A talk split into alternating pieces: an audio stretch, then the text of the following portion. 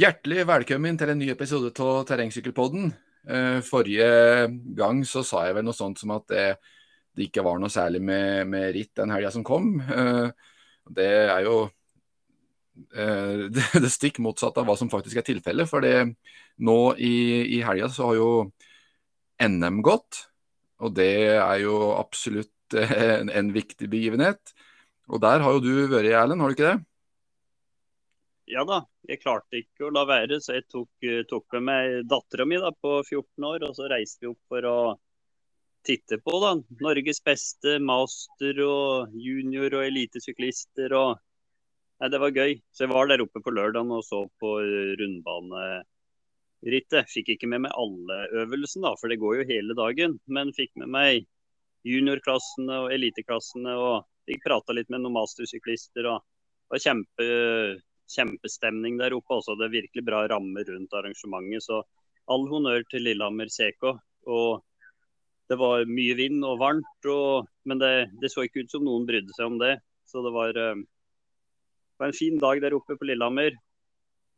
Og du? Mm. Jo da, nei jeg var uh, Ja, hvor var jeg hen? Uh, jeg har da fått trent ganske bra, men jeg har ikke vært på noe jeg har ikke vært på noen NM, jeg, da. Så men, men du, du, hvor i løypa var det du sto hen når du var på NM? Var du, var du ute i løypa, eller var du i mål, målområdet?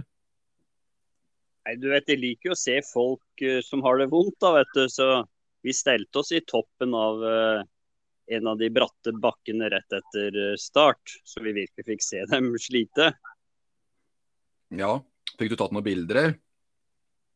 Fikk filma litt og fikk heia på de fleste. Så det var, det var gøy, det altså. Det var synd ikke du fikk vært med. Ja, nei, det har vært en litt sånn travel helg i forhold til jobbing og i forhold til uh, ja, det ene og det andre. Jeg har jo vært og henta en, uh, en hund til oss som vi skal på utstilling neste helg igjen. da, det, Men det har jo ikke noe med terrengsykkelpodden å gjøre. Nei, det har vel med denne hundepodkasten din å gjøre, det kanskje? Ja, er hundepodkasten, ja. så det. Nei, ja. Ellers så, så var jeg jo uh, heldig, da, så jeg fikk være sjåfør opp til eh, Trondheim på, eh, på eh, ja, hva blir det, da? på fredag. Dagen før de skulle ut og sykle Trondheim-Oslo. Jeg kjørte tre karer fra Team Heinemann, da, som hadde ja. det teamet som hadde som ambisjoner om å vinne den lagkonkurransen der. Så da, da ble det ti timer ja. i bil på fredagen, og så ble det en del timer kjøring på lørdagen opp til Lillehammer. Så for min del så har det blitt mest bilkjøring i helga, da. Det har ikke blitt noe særlig med trening, hører jeg? Nei, jeg har fått eh, verne om det, disse som vi ofte har pratet på, de nøkkeløktene denne uka her, da. Så jeg har kjørt en del doble økter med, med sykling om morgenen og jogging om kvelden. Og så bakkeintervaller og uh, rolig langtur. Så jeg har prøvd å få inn de øktene jeg må ha, da. På sånne travluker med jobb og farting og alt det her. Ja. Nei da, så på mandag så skal jo vi kjøre sammen eh, bakkeintervall òg, da. Så det blir jo, det blir jo spennende. Vi kjører i Hernesbakken. Det er vel ti ja. minutter, er det ikke det? Ti minutter opp. Ja, bare det ikke ender sånn som forrige gang du kjørte bakkeintervaller? For da skjønte jeg at han du sykla sammen med begynte å kaste opp andre draget, eller var det ikke noe sånt? Jo, han begynner å kaste opp på andre draget, så... men det får jeg håpe ikke du gjør, da. Nei, det blir vel på første i så fall. det blir jo første. Hvor mange dager skal du kjøre? Sju dag? Ja da. Får kjøre på wattmåleren, så unngår vi at det skjer, tror jeg. Ja, det gjør det. Så nei, Trondheim-Oslo, det er eh, noe som eh, eh, Jeg har faktisk tenkt på det ganske mange år, at det kunne vært en eh, litt interessant eh, utfordring å prøve på. Har du vært inne på den tanken, du?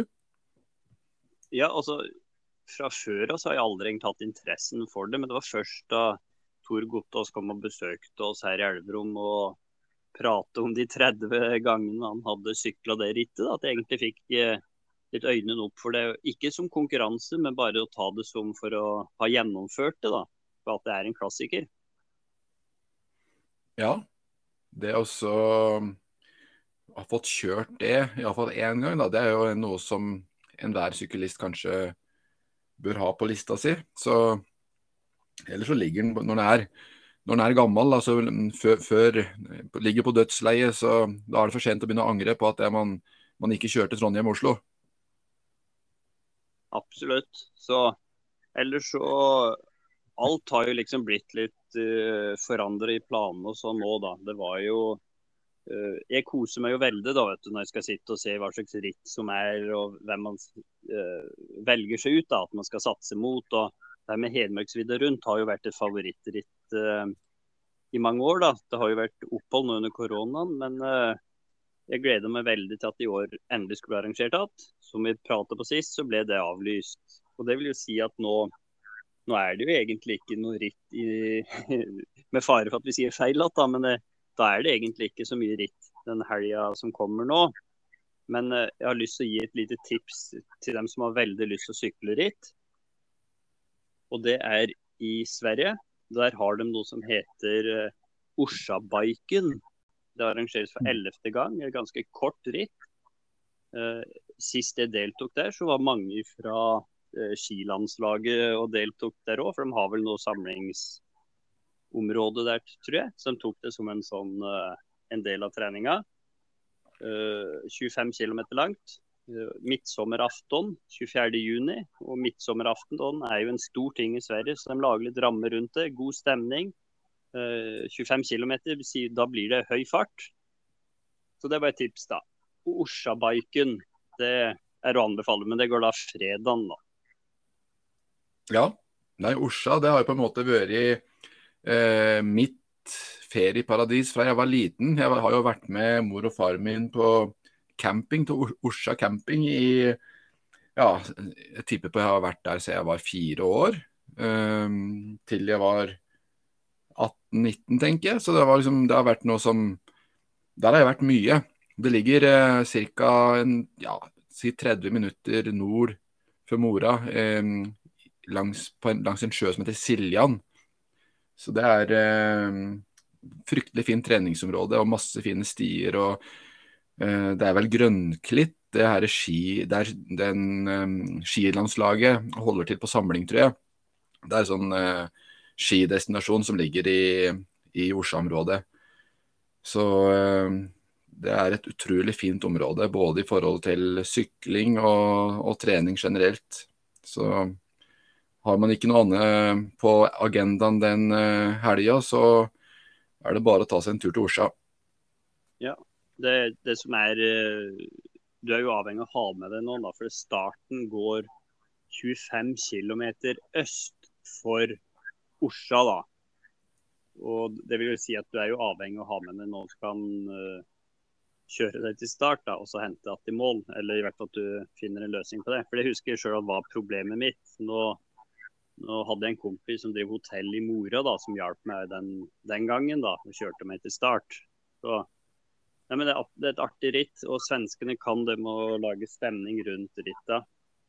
Så, men eh, ja, nok om det. Skal vi ta oss og høre litt uh, Vi brukte jo den tida opp mot Trondheim da, til å sitte og prate litt om forventninger og sånn. og så, så tok jeg en prat med både Steffen Hartz Repshus og Stian Juel. Uh, Lars Brevold var også med i, i bilen, men han var jo opptatt med å kjøre. Og som du vet, man skal ikke forstyrre sjåføren. Da, men jeg tok en prat med Stian og Stefan. Skal vi ta og høre på det? Ja, det gjør vi.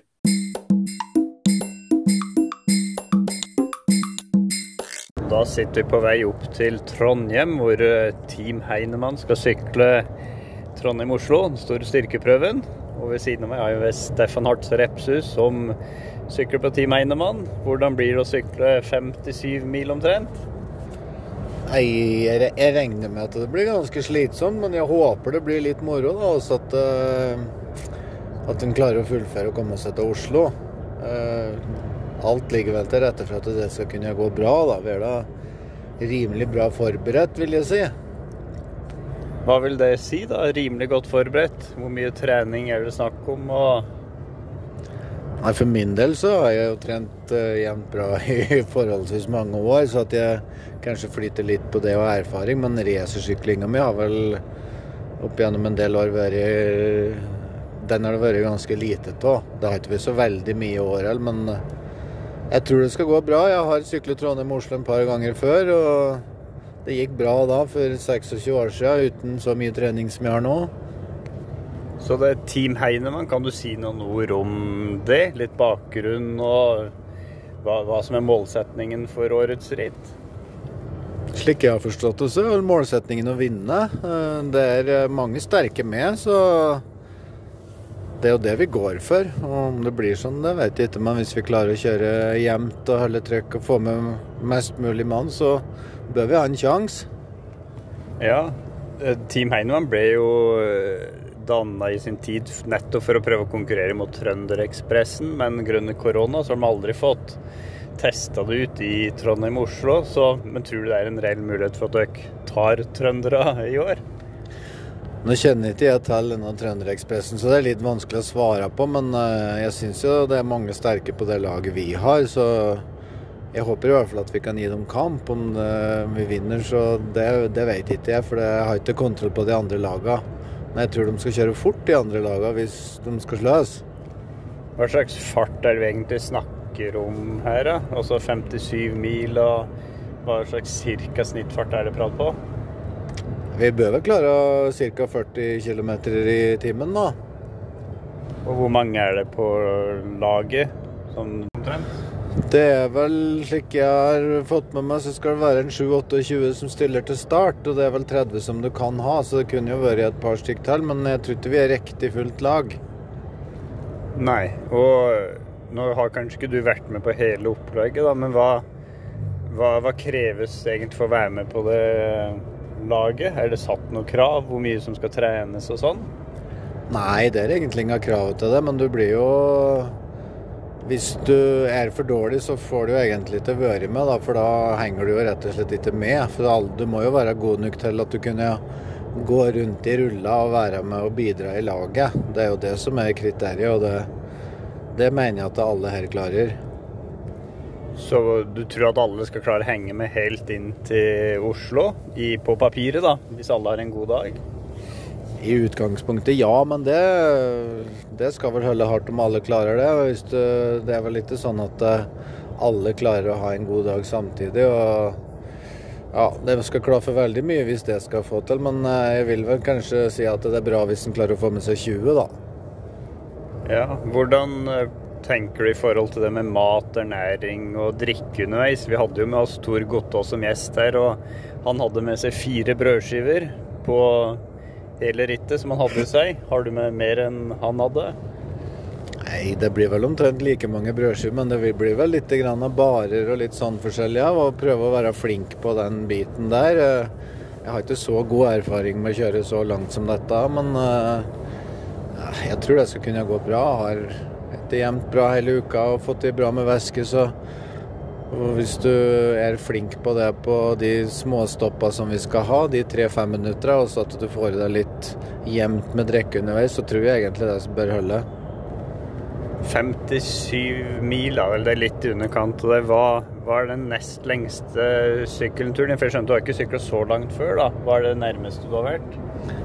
Jo, som jeg sa i stad, jeg har jo syklet Trondheim-Oslo to ganger, men det er jo for 26 og 28 år siden, og utover det så har jeg ikke syklet så Ja, jeg sykler vel en eh, på CX-en min til, fra Rena til Halden her for en par-tre år siden på 30 mil, og så Sammen med en av de bilene, Lars Bredvold, så hadde vi en slik kommunesnapper på terrengsykkel for en tre-fire år siden som vi kjørte 37-38 mil.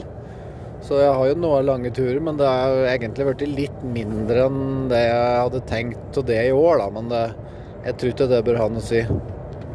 Nei. Hva, hvor mange timer skal dere sitte på setet totalt? Du begynner jo midt på natta i det som kan bli regnvær, da. Og, og hvordan ser du for deg? Blir det under 20 timer i hvert fall? Ja, hvis det ikke blir under, under 20 timer da, vet jeg ikke hva som skal skje. Men uh, da tror jeg man sykler alene. Men uh, ja, jeg, jeg, jeg, tenker liksom like 14, rundt 14, da. Ja. Og så skjønte at Team Heinemann ikke lenger skal sette ny løyperekord. Og kan du si litt hva det kommer av? At det, det målet er gått bort for i år?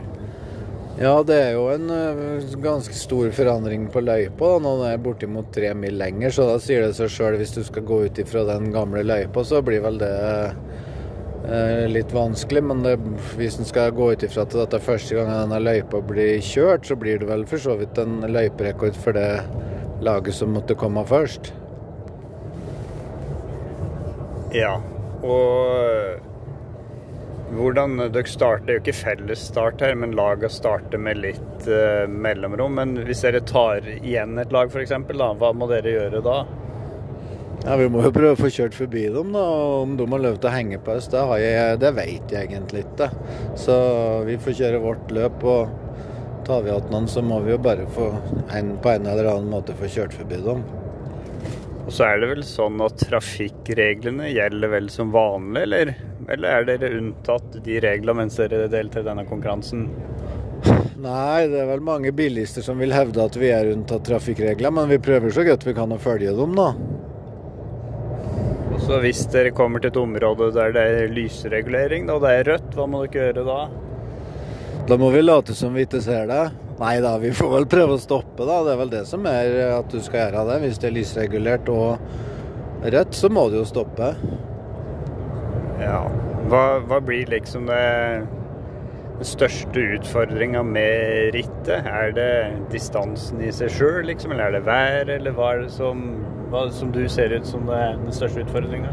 Nei, Slik jeg ser det, så er det det å ha fokus hele tida. Når du skal ligge så tett med mange i såpass høy fart, så er det jo liksom det å ha fokus på ikke kjøre av. Da. For det er klart at hvis du kjører borti framhjulet på, eller bakhjulet på den som er foran deg f.eks., så velter eh, kanskje 10-15 stykker en gang. Så det er jo det som er kanskje utfordringen med fokuset. Så at du må være på i 14 timer i strekk, da. Hva skjer hvis du skal uheldig, da? Det, det, det, blir jo opplyst om at det skal være partier med mye veiarbeid og risik, det er stor risiko for å punktere. Hva skjer hvis du punkterer da, etter eh, et par mil? Nei, da får jeg ta toget, da. Nei, det blir vel eh, Klart laget reiser hvis noen punkterer, så det må jo bare bli å og for min del så har jeg jo planer om å fullføre nesten uansett, så da blir det jo å bare få fikse og sykle videre, og eventuelt bli med noen som kommer bak, da. Og legge seg med de. Jeg skjønte så dere har med flere kjente syklister på dette laget, og Vidar Mehl er vel en av de sterkeste. Blir det Men uh, hva kan du ellers si om nivået da på, på laget? Er det stort sett gode syklister alle sammen, eller? Ja, jeg har nå bare vært med på ett ritt, ja, som var ene bak rundt, og det var jo overraskende, for det er jo Jeg føler, føler meg jo egentlig som en rimelig bra syklist sjøl i et uh, i det perspektivet som tursyklist. Da, så kan si det var jo mange som var i hvert fall en del sterkere enn meg der, som uh, jeg egentlig ikke hadde forventa. Så det, jeg mener at det er ganske mange bra med. Ja, Nei, men da blir det spennende å høre hvordan uh, det går. Så får vi ta en prat. og du kommer i mål sånn på eh, Hva blir det? Kvelden på lørdagen? Hvis vi starter klokka ti over fire, så blir vel det ti over fire, ti over seks. Ja, det blir vel mellom seks og sju i morgen kveld. da. På lørdagen så bør vi være i mål. Ja, ja men da blir det spennende. Da høres vi.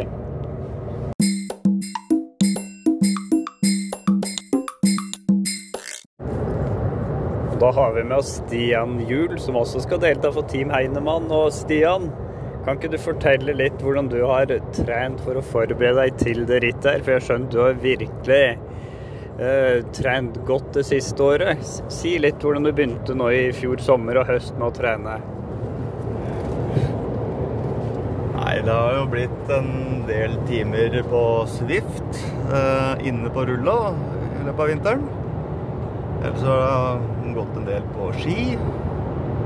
Ellers er det jo da vanlig, vanlig bevegelse. da, Jobbe og slite. Hvor mange timer vil du tro at du har trent i snitt da, det siste halvåret for å være godt forberedt til det her? Nei, eh, siden jul så har vi ligget på 13-14 timer i snitt i uka. Jeg hadde en eh, var med på en treningssamling på Mallorca i vinter, så jeg fikk jo ganske mange timer den, den måneden. Eh, Pluss at det da var eh, påske, så da, da var, den måneden ble det veldig mye trening. Så da passa jeg vel, passet jeg vel 100, 100 timer på den, den måneden. Så Nei, det er jo Ja, trent godt, bare. Ja, og hva, hva er dine egne målsettinger med det rittet? Er det å komme, komme til mål, eller er det å liksom eh, gi alt så lenge det holder? Kan du si noen ord om hva du har tenkt i forhold til ditt eget, eh, din egen innsats i forhold til laget, da? Nei, eh, målet er jo på en måte å gjennomføre. Eh, men så klart det, Og det er jo Jeg må jo på en måte bidra på laget, for det er jo, det er jo på en måte laget som skal gjøre det bra. Eh, så da blir det jo bli med i rulla og bli med laget så lenge som mulig. Og hvis det viser seg at jeg ikke er god nok til å bli med helt inn, så, så må man se da hvor langt, lenge, langt det er igjen, da. Og eventuelt sykle inn alene, eller kanskje få lov til å henge på et annet lag. da. Eh, Ligge i sekken der til vi kommer til eh, Oslo. Og dette blir vel din lengste tur noensinne nå, eller? Eller har du vært på sånne treningsturer som er i nærheten? Nei, ingenting i nærheten. Eh, Jeg har hatt eh, tre, tre Nei, to turer på litt over eh, 30 mil. Ellers har det blitt noen turer på noen og 20. eh, Men ikke så langt som eh, 57, nei. Tidligere, hva kan du si? Du har jo ikke sykla så mye landeveisritt og sånn, men du har deltatt litt på terreng og du har hatt opphold i en del år. da. Hva, hva er det som har gjort at du har fått driven til å begynne på igjen? Nei, eh, ja, jeg har jo Jeg trente jo mye fram til 2016, og så hadde jeg da fire-fem år litt sånn avbrekk. Men jeg, jeg trente jo litt sånn jevnt og trutt, men det var ikke noe, var ikke noe konkurranse og ikke noe, ikke noe målretta trening. Eh, Nei, grunnen til å liksom komme i gang igjen nå er vel bare for at eh, motivasjonen har kommet litt igjen, og unga har blitt litt større, så det er litt mer, eh, litt mer fritid. Har blitt ferdig med litt oppussing av noe hus, så da noe må man bruke tida til. Ja da, og sykling er en fin måte å bruke fritida si på. Så da håper vi det går veien, at alle kommer seg til mål. Har du tenkt noe på hvordan du skal feire da du kommer til mål? Nei, det, det får vi ta, ta når vi kommer i mål, tror jeg. Det, vi er vel såpass slitne, så det blir vel bare å prøve å få seg en dusj og få i seg noe mat og komme seg hjem igjen. Ja. Nei, men lykke til.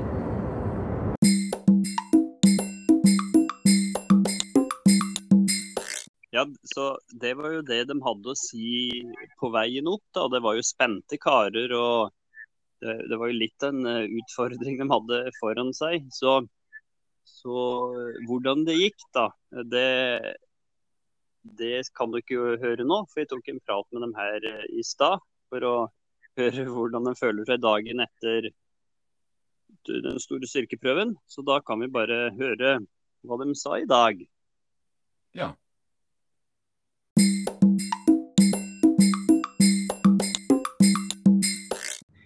Ja, da har vi med oss Stefan dagen etter den store styrkeprøven, og det ble en virkelig styrkeprøve det er for din del. Kan du fortelle litt hvordan det gikk? Hvordan var starten, og hva skjedde?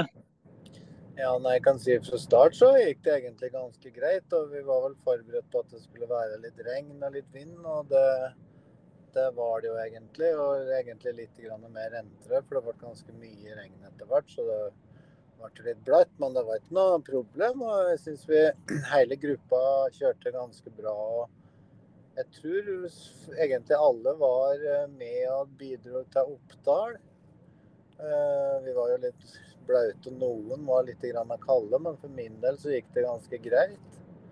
Og så fikk vi litt eh, bedre vær etter hvert, og var litt opphold og litt bedre vind. Og kan si så plutselig så begynte det gruppa å kjøre ganske fort, og det, det virker som at eh, mine terrengsykkelbein ikke takler det helt. Så da ble jeg litt sliten. Så etter hvert så måtte jeg melde pass og klarte ikke å være med og bidra i gruppa og gå rundt. Da. Så da lå jeg bak eh, i lange perioder og prøvde meg innimellom å være med igjen. Men det, det klarte jeg ikke, så jeg lå bak. Og det var over Dovre, Dovrefjell ved Hjerkiner så var det veldig mye motvind. Og da var det ja, det ble mange som ble liggende på hjul, da. Det var det. Eh, så da gikk det jo litt av trått. Og, men for min del så ble det vel egentlig verre og verre. Jeg skjønte jo det når vi kom ned mot Dombås og der at dette her ikke ville gå bra. For det første så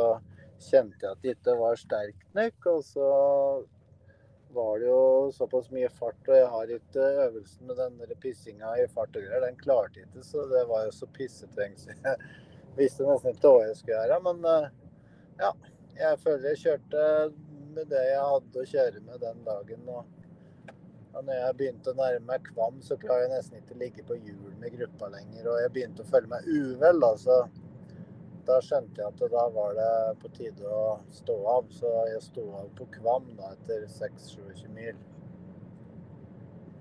Hvor mye sa du etter 26 mil? Ja, ca. 26 mil tror jeg det var. 6-7 timer med sykling eller noe sånt, da, kanskje? Ja da, jeg tror jeg, tror jeg hadde jeg, jeg, Klokka mi passerte akkurat sju timer når vi kom til Kvam, og det var jo inkludert i obligatorisk femminuttene stopp. så på jeg tror det var 6,55 eller 54 eller noe sånt. Og det var på en økta som, jeg, eh, som ble lastet opp på Strava-kontoen min, da. Så du, analyserte du økta di etterpå? Var det noe du bet deg merke i i forhold til puls, eller?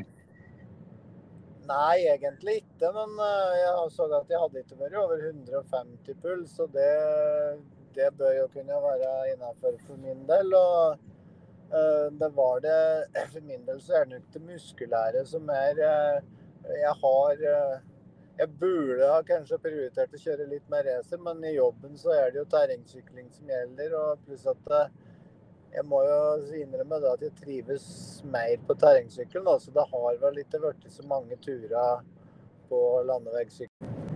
Ja. ja. ja, nå er jeg inne på igjen. Jeg datt ut. Jeg vet ikke hva som skjedde. Ja. Det kan hende bare var noe dekning eller noe sånt. Det siste jeg hørte var eh, et eller annet med landevei, og så ble det brutt.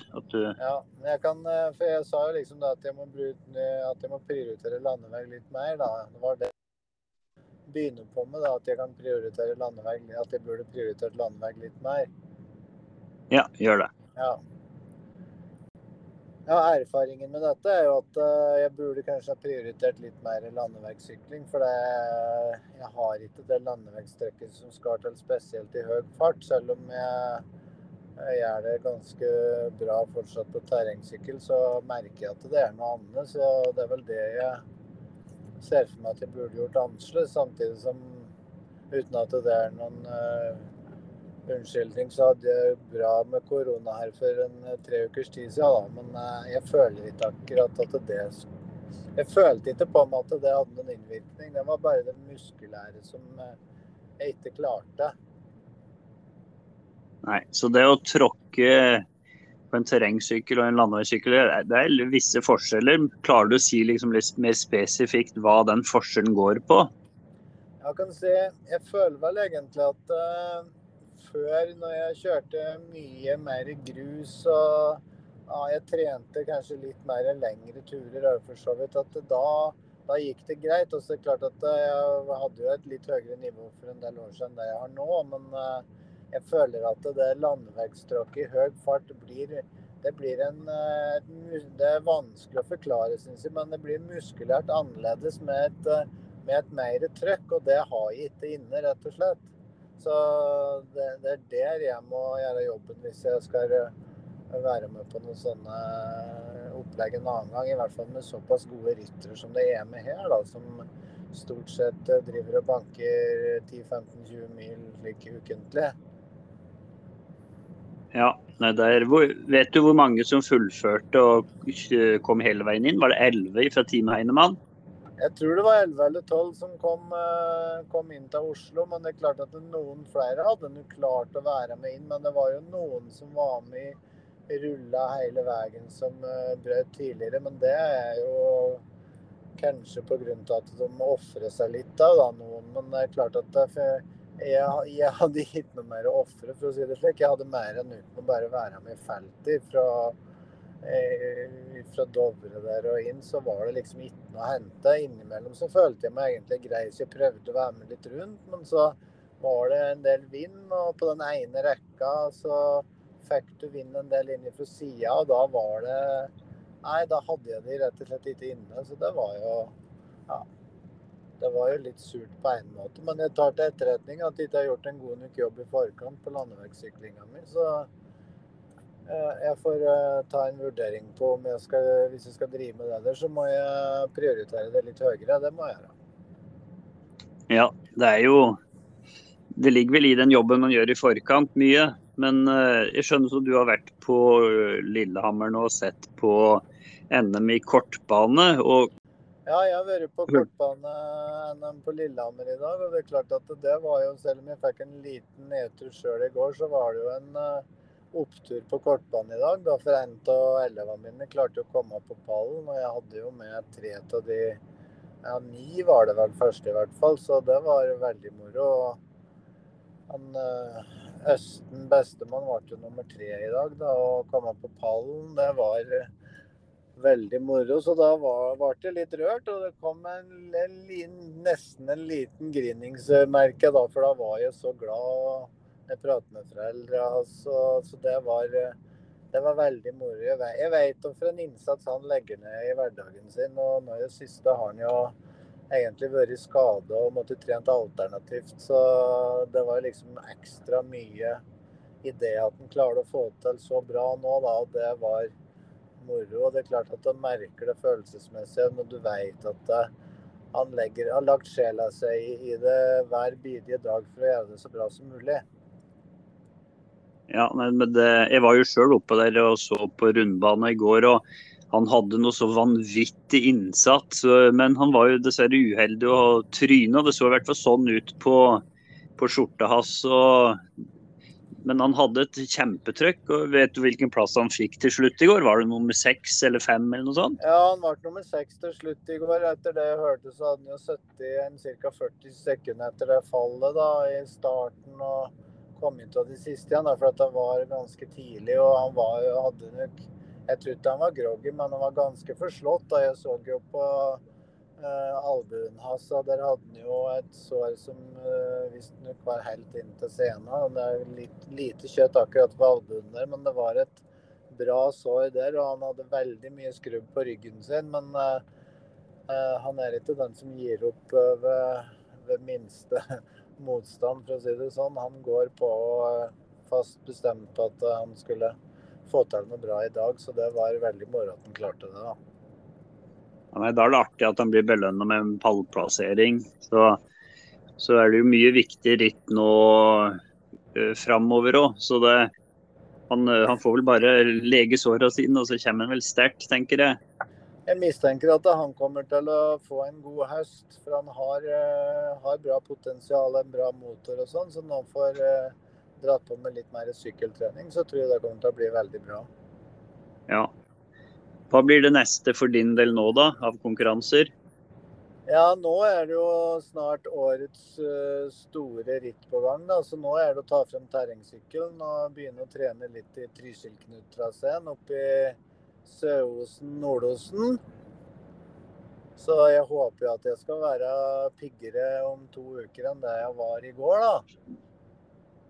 Så ja, det er vel litt mer i din bane, det rittet. Ja, det er jo det. Og da er det jo, det er jo selv om det er mest grus, så er det jo litt grann av terreng der. Men det er, det er morosomt å være med på. da. Jeg har vært med på de ritta som har vært der. Nå har det vel gått tre fra før som jeg har vært med på. så ja, det blir jo en av de få ganger jeg kan uh, sykle litt sammen med elevene mine da, og matche meg litt mot dem. Så det er moro for både dem og for meg. Ja, det er alltid gøy, og det er litt ekstra motivasjon for begge parter, det da. ja da, det er det. heldigvis så vet jeg at noen av dem slår meg, da. For det er noen av dem som er, har bra trøkk, for å si det sånn. Noen er litt mer rundbanesyklister, og noen er litt mer begge deler. Ja. Nei, men Da blir det spennende. Så da får du ha tusen takk da for at du tok deg tid, og så ses vi på Trysknutrittet. Det gjør vi. Okay. Ha det godt. Hei.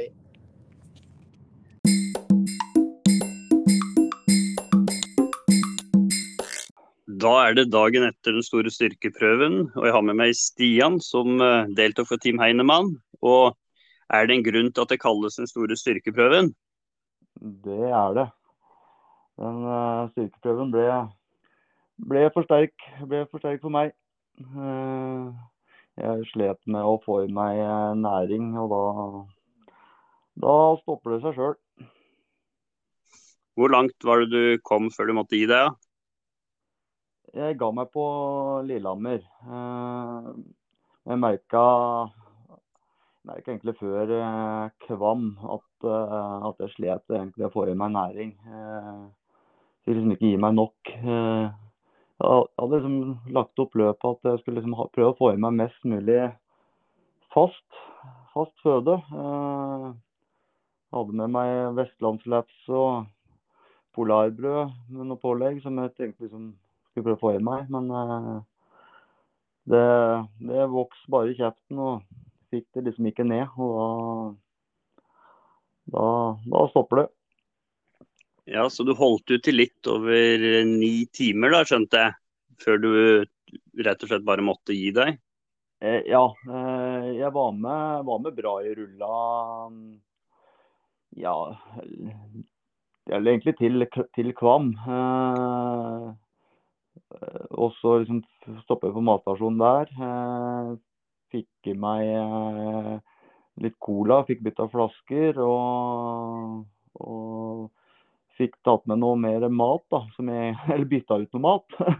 jeg, og så tok jeg med meg en banan. Eh, så jeg fikk i meg eller fra når vi dro ut fra Kvam, så var jeg med bra i rulla en god stund. Når vi da liksom var omtrent halvveis mellom Kvam og Lillehammer, da, da hadde jeg ja, Jeg hadde fått i meg den bananen, men eh, da, da var det slutt. Eh, og da for å være med, være med inn, så lå jeg da i sekken da. Eh, De siste Kanskje de siste tre mila eh, lå jeg i sekken hele veien.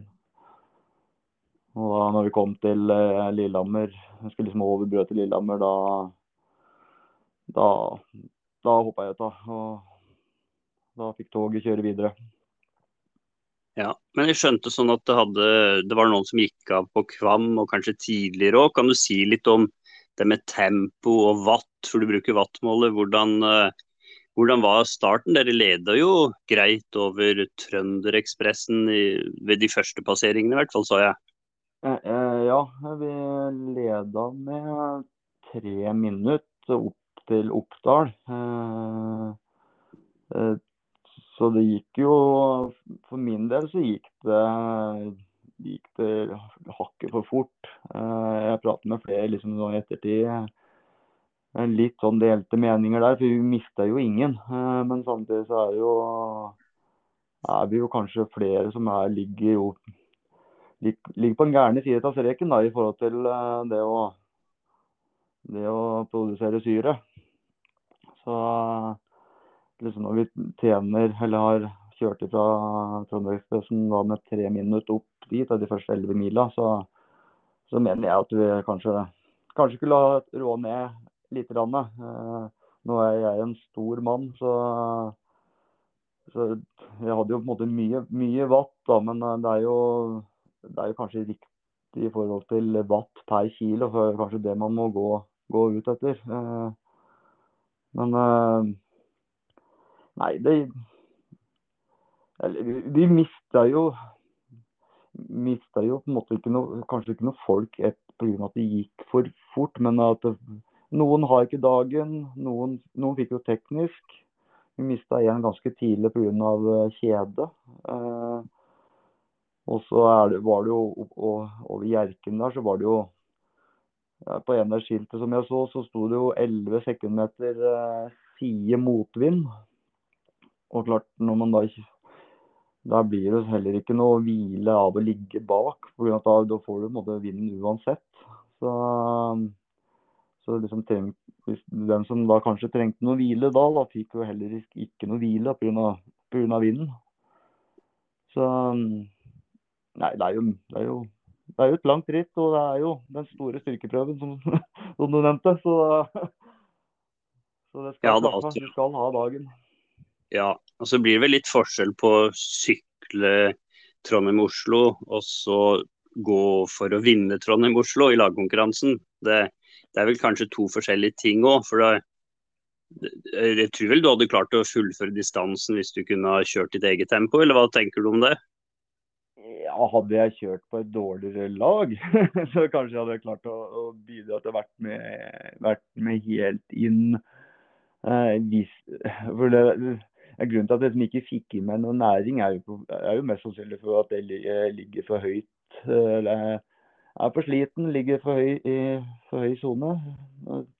Og da, da blir det vanskelig å få i seg noe. Jeg er jo flink til å få i meg både mat og godteri når jeg sitter i godstolen hjemme. så det det er noe, det er ikke der, det, eh, er der det ligger. Så det er det å få i seg eh, mat og drikke eh, når du er i bevegelse. Så, så det spørs om jeg må jeg, jeg må i hvert fall øve på det. Ja da, Jeg så at uh, basert på Strava, de estimerer jo kaloriforbruket. da, Og på de litt over ni timene du sykla, så hadde du forbrukt over eh, i nærheten av 10 000 kalorier. Og det er jo ganske enorme mengder med mat som skal til da, for å komme opp på 10 000 kalorier. Så det sier litt om det energibehovet man har når man skal delta på det der, da. Ja, ja, hvis jeg skal ha Hvis jeg skal på en måte få de 10 000 kalorier i brødskiver, så blir det jo, blir det jo mye. Eh, en brødskive med litt pålegg, er ikke det sånn cirka, cirka 200 kalorier omtrent? Er ikke det? Med smør og pålegg. Så, så klart, da blir det jo Skal jeg ha i meg fort fem brødskiver i timen, da. ja da. Da er det vanskelig det- å både er- sykle og- det vans- Ja, det vanskelig når en skal ha, ha, ha, ha høy puls og konsentrere seg om sykling og Men det var, dårlig, det var dårlig vær da dere starta, eller at det regnet, var, gjorde det ikke det? Jo, det var eh, litt sånn duskregn når vi starta. Eh, og så gikk det over til eh, ganske heftig trøndervær. Eh, så vi hadde jo regnvær ja, fra start da, til, eh, til Oppdal på første, første stopp, første nattstasjon. Eh, men når vi da dro fra Oppdal, så gikk det ja, to kilometer, så ble det tørr og fin eh, veibane og, og oppholdsvær derfra inn. Ja, og ikke minst eh, sol. Jeg så Vidar Mehl hadde lagt ut noen bilder av bena sine, for han hadde glemt solkremen. Og det, han skrev at det måtte han huske neste gang. Ja, det ble, det ble veldig bra vær eh, når vi da kom ned ja, Skvam. eh, Så ble det bare bedre og bedre vær. Og på Hamar så og ja, Lillehammer og Hamar liksom, så området, så stekte sola godt, ja. Ja. Men hva, sånn, i forhold til det med vatt, da du brukte vattmåler, hva, hva vil du Jeg så du i snitt da på de de ni timene du hadde sykla, og på var det rundt 285 watt, tror jeg? Kan det stemme? Eh, det, nei, jeg tror det var ja, 269 tror jeg det som ble registrert på, på Strava. Da har du, da har du med tatt bort det. Ja. De eh, stoppa jeg har, da. Så ja da. Nei, det er um, Ja. Jeg er jo, er jo en stor mann, så uh, jeg har ikke regna på det watt per kilo, men eh, Men det burde jo kanskje ha ligget litt lavere. Men samtidig, det, det er jo det jeg må tråkke for å være med i, være med på laget. Så, og i den farta vi hadde. Så, så jeg må nok eh, se mot det neste år og prøve å, prøve å trene. Trene litt bedre, være litt bedre forberedt og, og forhåpentligvis lært å få i meg noe næring. Ja, men uh, du har vel ikke gitt opp sykkelsesongen for år uh, ennå helt? Hva blir det neste for din del nå, da, sånn konkurransemessig? Eh, nei, nå er jo den store styrkeprøven var jo egentlig bare en opptreningsfase da, mot uh, årets store mål, som er da Trysil-Knut-rittet. Vi har jo noen ja. kjennskaper der, så og de er veldig flinke til å arrangere oppe i Trysil, eller oppe i Osen, Sør-Osen. Så så der må jeg komme godt forberedt. Og da blir det spurtpris, eller blir det klatreprisen du skal gå for? Nei, vi går vel for eh, ja, går vel for sammenlagt eh, Eller kommer fortest mulig i mål. Prøve å kjøre smart. Eh, nei, nå klatrer er jeg jo ikke. Så, du må bare prøve å kjøre fort. Fort gjennom hele løypa, da. Ja. Du henger med. Det er bra du ikke har blitt skremt fra å sykle, i hvert fall. Det har jeg ikke. Eh, det skal bli godt å Nå har jeg jo brukt mye tid på, på raceren, så det skal bli godt å egentlig få parkert den litt og, og finne fram hardtail. Jeg har egentlig bestilt meg en ny hardtail. Bestilte i fjor og ble egentlig lova at den skulle komme til påske. og Det gjorde den ikke. og så har jeg egentlig blitt lova at den skulle komme, komme, til landet slutten av forrige uke. Så, men jeg har ikke hørt noe, så jeg får vel ta noen telefoner til, til uka og begynne å purre litt. Satse på at den har kommet. Ja, men ellers så har du vel noen andre sykler du kan bruke hvis, hvis den ikke dukker opp, eller? Ja, vi har jo noen, har jo noen sykler vi kan bruke. Men uh, det er jo alltids, alltid greit å ha en ny sykkel. Ja. Nei, ja. Nei, men du får tusen takk for at du tok deg tid. Og så får du bare væske deg og spise opp igjen nå. Så, så, ses vi jo på Tryseknut-rittet om et par, uh, par, helger. Ja, takk for det. Og så, ja, vi ses på Tryseknut. Ja, ha det godt. Ha det. Da har vi jo pratet om landeveissykling for denne episoden tre. Vi kan heller gå over på rundbanesyklinga og NM. Det har jo mm. blitt sykla masse og hardt. Eh, kan jo bare anbefale folk som vil eh, se resultatene, da, om å gå inn på enten EQ Timing og lese, eller på Lillehammer sykkelklubb sin eh, hjemmeside da, for oppdaterte resultatlister. Hvis vi skal trekke fram de viktigste, kanskje, da, så er det jo Emil Hasen Eid da, som vant for menn elite foran Mats Tuvås Glende og Ole Sigurd Rekdal i rundbaneritt på lørdag. Emil Hasen Eid viser jo god form. Han har jo også en, var det en 21.-plass fra Nove Mest i verdenscupen i år. Så han viser jo at han er en av de aller beste i, uh, i Norge for tiden. Og Mats Tuvås òg viser jo absolutt god form. Så hvis noen har lyst til å høre mer om han, så hadde vi jo et intervju med han i forrige episode. Har du lagt merke til noen spesielle som har ut, utmerka seg denne helga her? Nei, Sofie Bø Jacobsen har jo absolutt eh, utmerka seg. Hun har jo faktisk eh, seier på alle tre disipliner. Så det um, er, er, jo virkelig imponerende. Og, og det å klare oss å eh, prestere i to så forskjellige idretter som sprint og rundbane, i, hvert fall når det gjelder um, varighet på konkurransen, da. Det er, eh, det er ganske spesielt, syns jeg. Eh, sprint har jo en, eh, en konkurransevarighet på rundt to minutter, og, og, rundbane har jo på mye, mye lenger enn det. Så det, det stilles veldig forskjellige fysiologiske krav, da.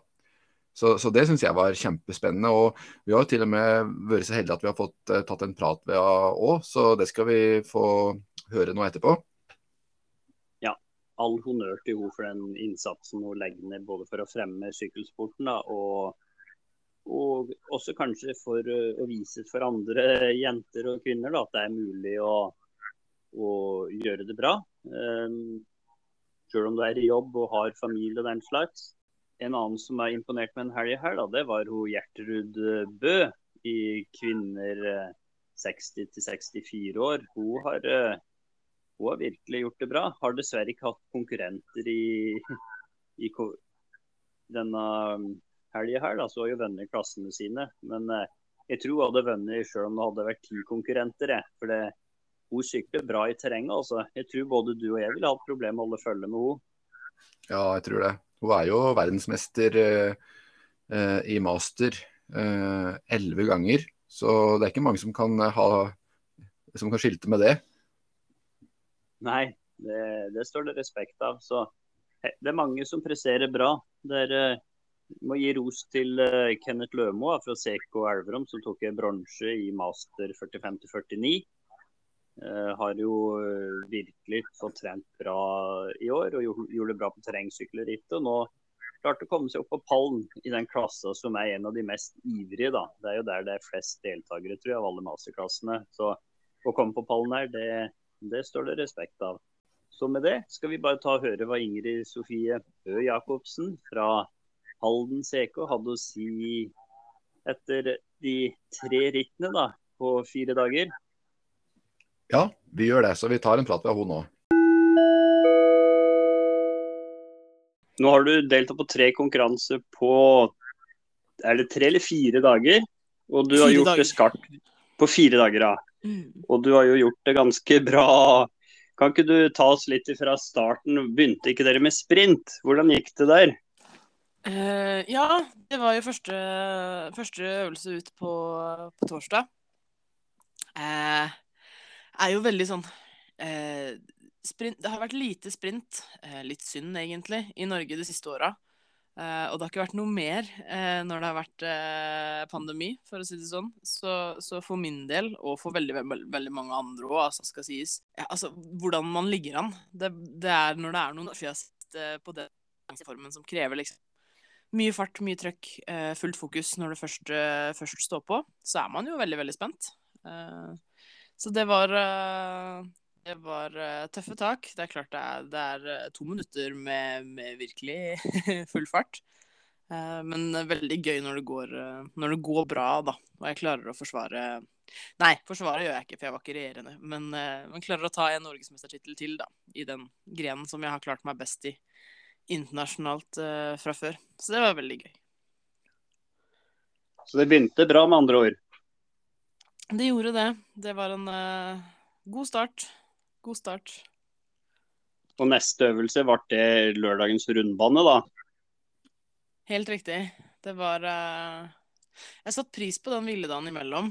Uh, ellers så hadde jeg kanskje måtte gjort en vurdering på om jeg skulle stått over uh, Altså, jeg kjenner det jo i dag, da, etter tre øvelser, at jeg er veldig glad for at det var én hviledag imellom. Uh, hvor, vi fikk, hvor man liksom fikk muligheten til å hente seg litt inn før rundbanen. Som blir liksom i helt, helt andre enden av skalaen da, for hva, hva, jeg driver med. Eh, sånn konkurransetidmessig, i hvert fall. Ja, har jo kjørt litt maraton her og der, men sånn, i all hovedsak så er jo det den lengste. Eh, så da må man liksom snu om litt. klare å kjøre jevnt, klare å holde distansen bedre betraktelig lenger, uh, lengre konkurransetid mer teknisk. Uh, og selvfølgelig veldig veldig gøy å klare å, å innfri der, for det, det, er jo ikke tvil om at det har vært det store målet. Eh, I hvert fall i første del av, første del av sesongen. Det, det, gir mye, mye eller godt med UCI-poeng som man kan ta med seg ut når man skal konkurrere. i Veldig, veldig stas. Ja, det høres jo veldig bra ut. Og Vi var jo spent på Hedde da, om hva hun kunne få til på hjemmebane. Kan du ikke si litt hvordan, hvordan første runden utarta seg? da? Stakk du så å si med en gang og fikk luke, eller hva, hva skjedde? Uh, nei, vi var relativt samla første halvdel av første runde. Og så var det, var det et fall. Det var uh, Sigrid Fløgstad som uh, som var uheldig og hadde et fall. Da var hun i tet, så hun leda han første, de første minuttene. Eh, og da ble det litt sånn eh, Da blir det alltid litt sånn kløning og klumsing å komme forbi. Og så blir det sånn Gikk det bra i forbifarta? Og så fikk jeg et ja tilbake, og så sykler man bare videre, og så kjører sitt eget, eh, sitt eget, løp. Og etter det så strakk det seg, strakk det seg litt utover. Og da var eh, Eh, jeg et lite, lite hestehode foran Hedda eh, på første runden. Eh, Hedda kjørte uten tvil bedre enn meg utfor. Det er klart eh, at hun har kjørt, eh, kjørt utforkjøringene mange ganger på trening. Eh, så den første Da tok jeg det litt for pent. Eh, så kom jeg liksom litt inn i det etter hvert. Så det ble ikke sånn halvgærent til slutt. Men merka det veldig at nei, nå må jeg ta meg sammen. Så ble det litt mer Litt og litt større luke, da, fikk jeg på, på sekunderingene. Og klarte å holde et jevnt, jevnt tempo utover, eh, utover i rundene. Det var nok kanskje det jeg, det jeg vant på også, da. At jeg klarte å kjøre relativt eh, jevn, eh, jevne rundetider uten å tape altfor mye mot slutten. Ja, det, det virka som du tok en del sekunder i den bakken etter etter vending, da, opp fra stadion og oppover, sånn en tre-fire sekunder for hver runde, så det ut som. Så det, det virker som det var bra punch i bakken òg. Ja da, jeg følte jeg hadde, jeg hadde litt å kjøre med, kjøre med i går. Og det, det, må man i en sånn type løype. Det er, uh, det er uh, mye klatringer. Altså ikke Det er ikke som de drøyeste i verdenscupen, men, men sånn i norsk skala så er det jo er det noen bakker som skal forseres. Og det er eh, De har bratte noen av dem også, så du må liksom ha litt punch for å det hele tatt eh, komme opp eh, med æren i behold. Så, så, den krever sitt. Og hvis man begynner å få det litt da, så, så kan man både tape og tjene mye i de kneikene. Ja. Og det var, du skjønte ut på siste runden at dette kom du til å ta, eller så du bare kjørte hardt kontrollert, eller var, var det all in hele veien? Eh, nei, da eh, prøvde jeg å kjøre Altså ikke sakke av på farta og holde et jevnt, eh, jevnt tempo helt til mål. Det er, eh, det er jo også en løype som er litt sånn eh, utsatt for å kunne, kunne, punktere, for å kunne ha teknisk eh, trøbbel underveis. Så man kan liksom ikke ta noe noe på forskudd eh, i det hele tatt, føler jeg. Så var Prøvde å holde jevnt, jevnt tempo hele veien. Og så var det liksom helt unna inn på stadion. Da kan man liksom puste letta ut, da. Da skjønner man at nå, nå går det bra. Så man Nei, alltid litt sånn Lever i konstant frykt for at alt, alt kan skje, og skal ikke ta noe ta noe underveis. For uhell kan skje den beste, sjøl om jeg er føler jeg har vært heldig og unngått en del av det, heldigvis. og så hadde du med deg litt en heiagjeng også, så det ut som. Sønnen din var vel der òg, var, var, det ikke det han som drev rundt på sykkelen der? Jo da, han har vel nesten sykla mer enn meg eh, den helga her. Det har, vært, eh, det har, blitt noen runder på stadion. Eh, hatt med, hatt med mamma og pappa, eller altså besteforeldre, som har vært gode, gode barnevakter og fått kjørt seg, fått kjørt seg i helga, dem òg. Så det har vært med hele, hele tida. Det er kjempe, kjempehyggelig. Det er, ikke alle, det er alle sykkelritt har latt seg gjøre at vi kan være hele familien på tur. Så da er det veldig, veldig gøy når vi de, de gangene vi får det til. Hvordan var spenninga da før dagens kortbanekonkurranse? Var du Følte deg trygg på seier, eller hva, hvordan var det? Å nei, på ingen måte. Eh, muligens enda verre eh, enn de to foregående. For da har du liksom fått litt press på deg, da. Eh, og mange som på en måte forventer at du skal vinne, siden du har to NM-gull allerede. Så jeg kjente mer på nerver i dag, faktisk, enn jeg gjorde i går eh, og på torsdag. Eh, det er liksom eh, mange, når det er mange som forventer at du skal vinne, så blir liksom alt annet Da blir alt annet et nederlag. Den, den, kjente jeg nok kanskje litt på i dag. Samtidig som at jeg visste jo at på en god dag så skal jeg jo klare, klare å henge med de beste. Og, og, og det er jo det fantastiske med, med terrengsykkel, at du får, jo, du får, jo, aldri noe Og du skal ha dagsform, og du skal ha gode ben, og, og alt skal klaffe. Så da, da, var det bare å ta seg sammen, da. En, eh, en siste gang. ja da. Men det, når alt, alt, går veien, så, så, er det jo mer enn bare flaks òg, da. da. Man har jo litt kontroll på både utstyr og Du har vel litt uh, erfaring da med hva, hva, som skal til for at det skal klaffe. Jeg vet ikke Hvor nøye er du på sånn med dekktrykk og utstyr, og ordner du alt sjøl, eller har du hjelp av klubben eller andre? Uh, begge deler. Uh, jeg prøver jo å ha så god som mulig, men jeg skal være den første til å innrømme at jeg har uh, veldig, veldig god hjelp. Har hatt fantastisk støtteapparat. Det har jeg egentlig på alle, alle ritt her hjemme, i, med, med Halden CK og elitelaget. Der er det der er det Thomas Andresen i spissen som har uh, redda meg de siste ti åra på ritt, føler jeg. Så der er det, der er det alltid, alltid, kontroll. Og det, det, er jo en trygghet for meg også. Uh, men, uh, men har, har, rutiner på å gå gjennom, gå gjennom lufttrykk over sykkelen. Alt det her før start, så det ikke skal være noen sånne, sånne blemmer, i hvert fall, som ødelegger, da. Hva, hva, blir det neste konkurransen for din del nå, Eller blir det ferie på deg først? Eh, oh, godt spørsmål. Eh, aller først eh, et par uker med trening. Så får vi se hva det blir. Har jo veldig lyst til å kjøre verdenscup eh, i Lensherheide og Andorra. Så får vi se hva det, hva det blir til. Det er eh, Det blir ikke så veldig mye ferie, i hvert fall. Det, det er helt sikkert har uh, litt fri fra, fra, jobb i den forstand, men uh, det blir mye trening og mye som skjer allikevel. Ja, for det er vel om tre helger, hvis du husker riktig, da, det er på Leinserheide? Stemmer. Stemmer. Ja. Så skulle du ha fri helga før der, så er det veldig bra ritt opp i Trysil, da, hvis du skulle være på ferie i det området.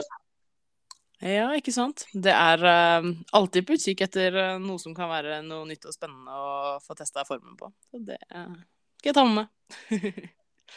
fine, fine, premier og mange, mange um, sponsorer som spytter inn gode gavekort på Trysminutt i år. Oi, oi, oi. og det er Ingar, har du noe du vil spørre om? Ja, i forhold til Det er jo det er ganske unikt kanskje da, at det går an å prestere så bra på både, alle tre disipliner, både sprint og, og rundbane. Så er, var det sånn at det var sprint som var uh, egentlig din det du, det du, kjører best på? Eh, internasjonalt så er det der jeg har best resultater fra.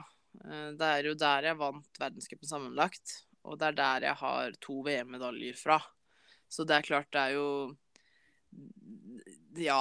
Eh, det er der jeg har mest, eh, mest meritter å kunne liste opp, uten tvil. Eh, Sjøl om jeg har kjørt like mye, minst like mye rundbane sånn opp igjennom, så, så har jeg jo ja, historisk sett klart meg best på korte, korte distanser. Mm. Uten tvil. ja. Er det sånn at Hvor lang tid sånn, sånn cirka er, er tida man kjører når man kjører sprint? Åh, det har variert litt opp igjennom. Eh, I verdenscupen sprint de siste åra så har det liksom krympa ned mot eh, rundt to minutter. Og så var det en periode i Norge hvor, eh, hvor NM og eventuelle andre ritt var liksom opp mot en tre-fire minutter. Eh, men eh, nå i helga, altså NM nå, så var vi på rundt to minutter igjen. Så det er, eh, det er relativt likt som, som langrennstida, kanskje, eller altså muligens litt kortere også.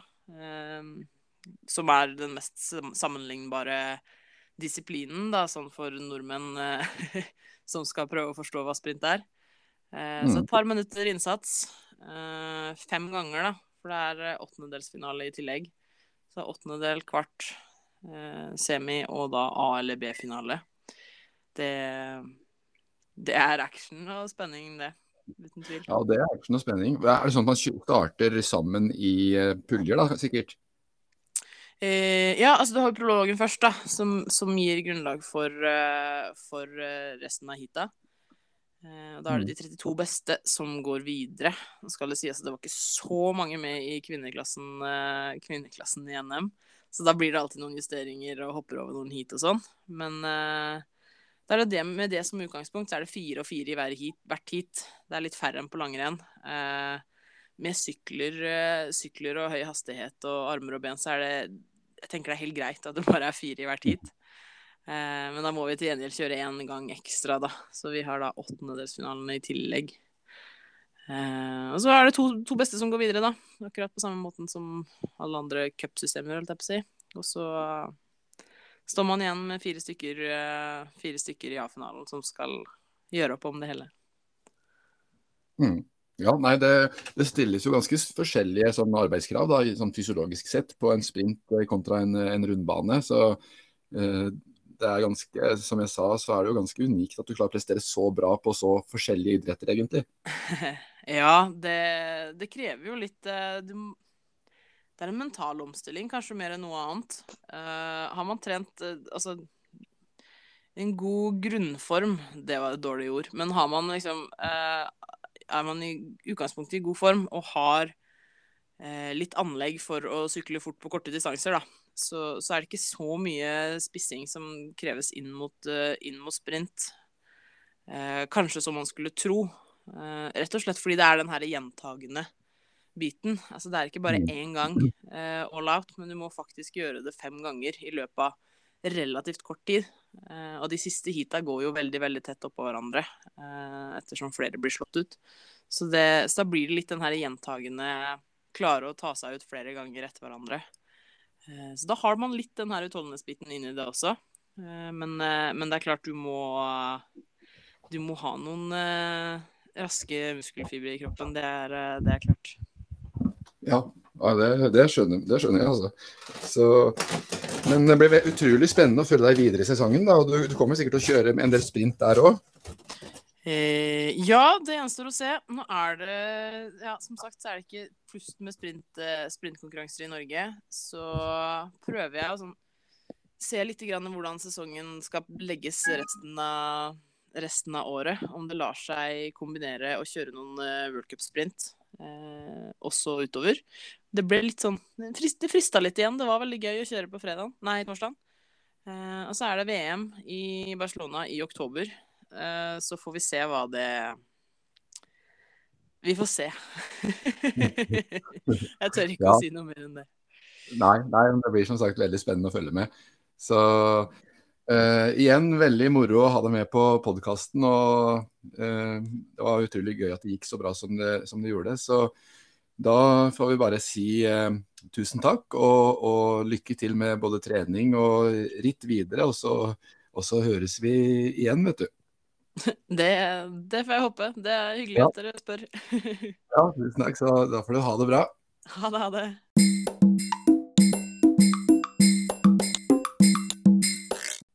Nei, det er kjempeartig å høre fra en så eh, allsidig og ekstremt god utøver som Ingrid Sofie Bø Jacobsen er. Og som jeg sa, så det er, det er spesielt at det her med at hun klarer å prestere på så forskjellige idretter som, som sprint og, og, rundbane. Så det skulle vært artig å høre hvilke tanker hun har i forhold til eh, um, hvordan andre unge utøvere bør satse. Er det, er liksom Bør man satse sprint først, eller bør man satse rundbane først, eller uh, hvordan du tenker om det. Men det er jo kanskje noe vi kan gå inn på ved en senere anledning. Det, det er noe vi kan uh, ta en prat med henne om litt senere. Det, det, er jo veldig mye ritt og konkurranser og mye som skjer på denne tida året. Men vi har jo både hele høsten og vinteren hvor det er mindre ritt. da. Så da kan man jo gå litt i dybden på en del temaer. Uh, ellers så nærmer det seg jo rittet som vårt idrettslag eh, avholder, da, Trysil-Knut-rittet. Vi har mm -hmm. fått plass til eh, mange deltakere der. Det er 47 påmeldte så langt. og det høres jo ikke mye ut, da, men i disse dager så er det faktisk ganske bra med tanke på forhåndspåmelding når det er to uker til start. Vi har jo i år vært veldig heldige og fått et bra samarbeid med Austri Ravskifte, som har vindmølleanlegget oppe i oppe Osensjøen. Og I tillegg mm. så har vi fått inn en ny sponsor i år, eh, Finansformidleren. Som vil stelle i stand eh, mye moro i, i Nordrosen for syklistene som passerer der. Og har vel også lova noe gavekort fra Garmin til den første herren og den første kvinnen som passerer det punktet de har satt opp der borte. Det, det blir artig med litt, uh, litt action i Norosen.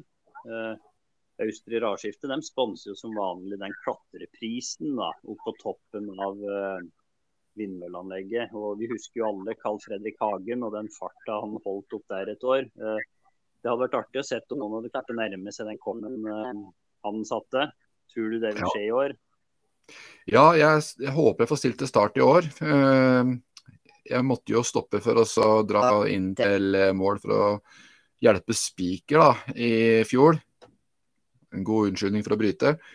Men, så jeg fikk ikke, jeg fikk ikke klatra den opp der. Men, men i år skal jeg gjøre det, så jeg regner med at jeg ligger i nærheten eh, av den koppen hans. Jo, jeg tror det. Ja. Og så uh, dette med Austri Rase, da. De har jo veldig lyst til å satse på talentene. Så de har jo uh, en egen uh, pris i år da, til, til den beste kvinne og herre fra aldersklassene mellom 17 til 24 år. Altså den som er først i mål da, av kvinnene og herrene mellom 17 og 24 år. Mm. Med gavekort til den, da. Bare for å, at det skal være litt ekstra uh, stas. Gjøre litt ekstra stas på satsende ungdommer. Så det blir jo spennende da, å se hvem som klarer å uh, kapre den prisen, da.